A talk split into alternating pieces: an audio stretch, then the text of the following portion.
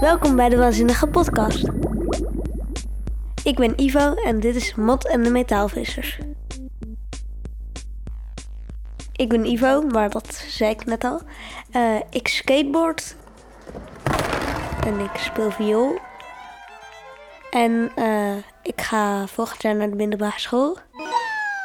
Ik begin maar met een grote vraag. Wat vind jij het belangrijkst in het leven?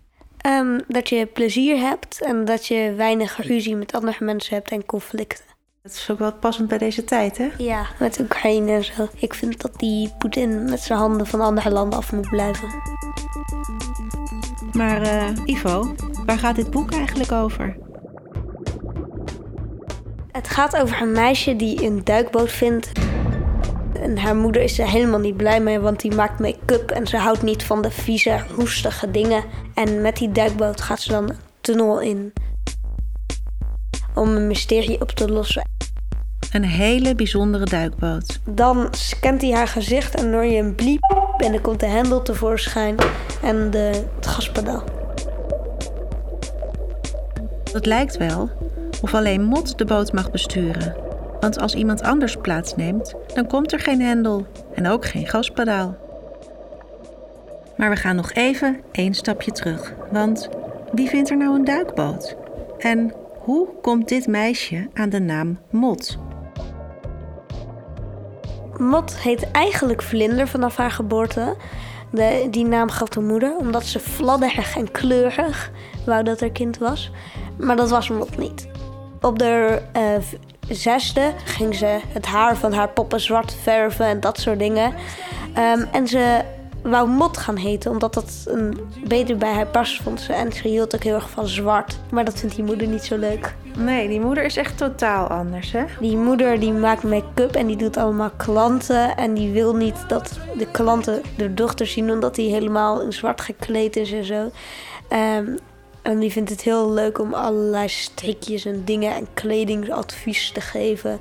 Maar dat vindt Mot helemaal niks. Ja, precies. Mot en haar moeder, dat is echt een verschil van dag en nacht. Mm, ik weet niet of je dat goed zet, want dag en nacht zijn helemaal verschillend. Maar kijk, meer als een soort schemernacht en schemerdag. Want er zit ook nog iets in dat ze ook wel een beetje bij elkaar zijn. Want ze hebben allebei wel iets met kleren, alleen een andere kledingsmaak. Jullie willen natuurlijk weten hoe Mot aan een duikboot komt. Dat begint bij meester Lucas. Haar invalmeester die is ook aan het metaalvissen. Metaalvissen is precies zoals het woord zegt een manier om naar metaal te vissen. Aan het eind van de draad zit alleen een magneet in plaats van een haak met een worm. Je gooit je magneet in het kanaal en alles van metaal klikt of klonkt zo aan de magneet vast. Ehm, vanaf dat moment is ze vastberaden om een magneet te kopen. Die magneet die koopt ze in Rosie's metaalwinkel. En eerst zegt Rosie dat een magneet niks voor kinderen is. Maar op een gegeven moment weet de mot erover te halen. En Rosie is een vrouw en in haar winkel liggen allerlei opgeviste dingen die zij koopt en dan weer verkoopt. En eh, dat is heel leuk om daarheen rond te kijken, want daar vind je allerlei tonnen en oude fietsen en stalen buizen. Ivo zou daar wel willen rondlopen. Hij gaat zelf vaak naar kringloopwinkels. Maar wat is daar zo leuk aan dan? Nou, gewoon dat het zo ongeordend is en dat er gewoon allerlei dingen liggen. Ook leuke dingen. Ik heb laatst ook een puzzel gevonden die nog helemaal nooit gelegd was, die nog in het folie zat. Ik heb nog een casino koffertje gevonden. Helaas heb ik er alleen. Oh. Mot kijkt haar ogen uit in Rosie's Roest, de metaalwinkel van Rosie. En ze weet precies welke magneet ze wil kopen. Maar ze heeft niet genoeg geld. Maar een jongen uit de klas die altijd nette spijkerbroeken draagt, dus een beetje het tegenovergestelde van haar wil haar helpen met het tientje. Maar Mot is bang dat dan die jongen gaat zeggen dat voor een vierde zijn duikboot is. Ja, ze weet in het begin nog niet eens wat voor schat ze gaat vinden. Maar ze denkt de hele tijd, oh, straks zegt hij het is voor een kwart van mij. Precies. Hoe heet hij eigenlijk van zijn voornaam? Vincent. En dan zegt Vincent dat hij eh, voor een vierde van hem is, maar daarna zegt hij meteen grapje. Dat hangt wel de hele tijd in de lucht. Hè? Ja. Vertrouwde jij Vincent meteen? Nee. Nou, omdat hij een beetje... Omdat hij ook de hele tijd overhemde... er een beetje geniepig overkwam, volgens mij. Vincent is super netjes. Dat is sowieso verdacht, vindt Mot. Maar deze Vincent zegt ook nog eens dat hij het neefje is van Archon Bolwert. En Archon Bolwert is degene die de basis van alle huizen en de, de huur torenhoog houdt... en alle leuke dingen laat slopen en alle speeltuinen weg laat halen en zo. Want Archon die bezit de hele stad en die is eigenlijk een beetje gemeen. Ja, en alleen maar met één doel. Zoveel mogelijk geld verdienen. Mot is dolblij met haar duikboot. Lucas regelt dat de boot op de werf mag liggen. Daar liggen veel meer duikboten. Ze ontmoet Lely, een dame met een hanenkam. Zij leert haar varen in haar eigen duikboot. Er gaat een wereld voor Mot open. Er blijkt een hele onderwaterwereld te bestaan. En op de werf voelt Mot zich helemaal thuis. Op de werf daar wonen Lucas en Lely en iedereen daar woont in een duikboot. Ehm, en die duikboot die hijsen ze zwinters in het water om te gaan varen. Oh nee, zomers. Ehm, en zwinters geven ze optredens voor de huis van de stad in, op de werf. En, de- en dan lijkt het alsof ze zweven. En ze kunnen ook allerlei dingen zoals een jong leger met vuurballen. En in bomen klimmen en salto's maken. En En is dat een plek waar jij graag zou willen zijn? Zeker. Ook omdat er gewoon veel natuur is. Ik zie het voor me met veel struiken en bomen met dan duikboten ertussen. Met allemaal aardige mensen.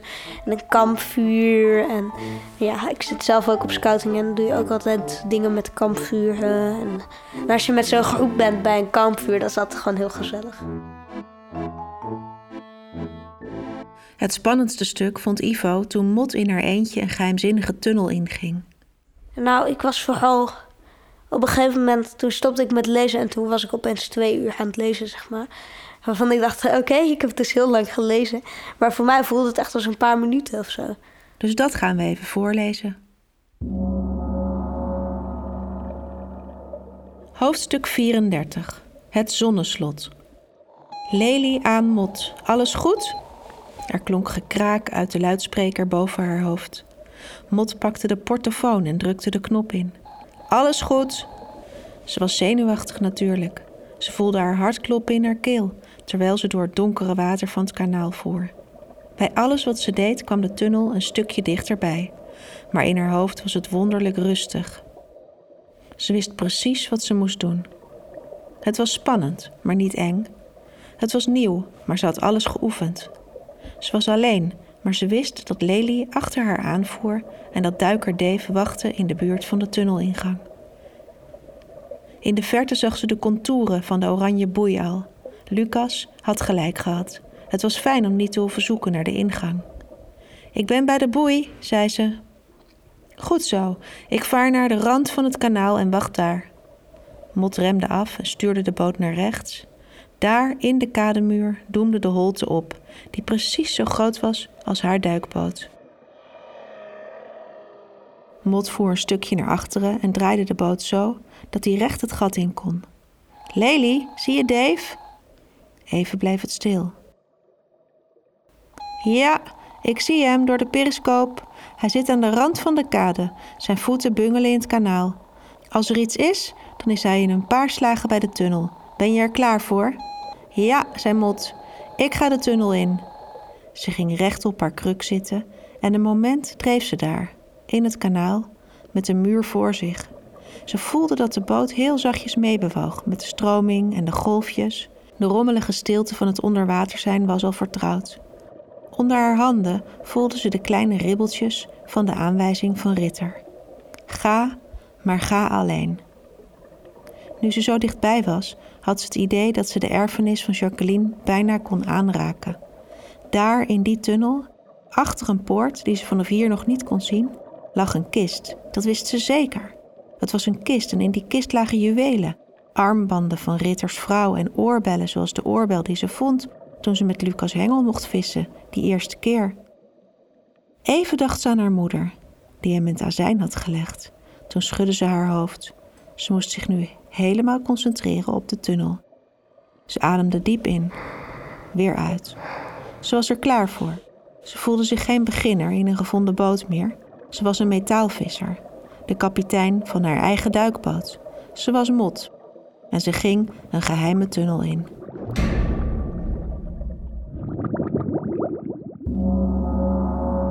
Wil je weten waarom Mot die tunnel ingaat, wie Ritter is en wie Jacqueline is? Dan moet je het boek gaan lezen. Maar dat Mot een hoofdpersoon is om van te houden, dat is wel duidelijk. Ze is heel nieuwsgierig en ik ben dat ook wel een beetje.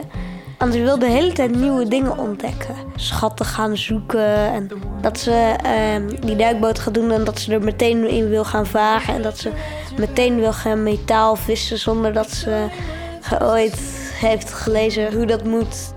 Ik vind het altijd wel leuk als hoofdpersonen anders zijn, hoe iemand anders de wereld ziet. Daarom zijn boeken ook zo leuk. Omdat vaak in het echte leven lukken dit soort dingen niet. Maar in boeken lukt het vaak wel en dat vind ik ook gewoon leuk. Alles kan in boeken. Ivo was de allereerste lezer van Mot en de Metaalvissers. Al voordat het boek gedrukt was, kreeg hij het manuscript toegestuurd. Nou, hoe vond je dat? Ja, ik vind het leuk. Het is weer eens wat anders dan een boek. Maar ik ga het echte boek ook nog kopen. Nou, je krijgt hem toegestuurd. Echt? Hij had zich opgegeven voor deze speciale podcast omdat hij groot fan is van de schrijfster, Sanne Rozenboom. Ik heb wel alle ministerie van oplossingen gelezen, behalve de laatste. Die heb ik nog niet gelezen. Die hebben ze nog niet in de schoolbiep. En die boeken van Sanne Rozenboom die lees ik vaak in de schoolbiep. Maar daar zijn ze heel nieuwsgierig in. Ze willen de hele tijd alles oplossen en ze willen daar heel erg de wereld verbeteren. Maar zij gaan meteen tot actie over. En dat is net zoals met Mot en de metaalvis. Ik zou het wat langer overwegen. Dit was Mot en de Metaalvissers, een boek van Sanne Rozenboom met tekeningen van Sophie Pluim. Over twee weken, dan zijn we er weer. Hoi, ik ben Akers en dit is het werkstuk of hoe ik verdween in de jungle. Toen ik eigenlijk op mijn school ging, kon ik bijna geen Nederlands. Dus ik wist niet wat school was eigenlijk, zeg maar. maar Tot over twee weken. Doei!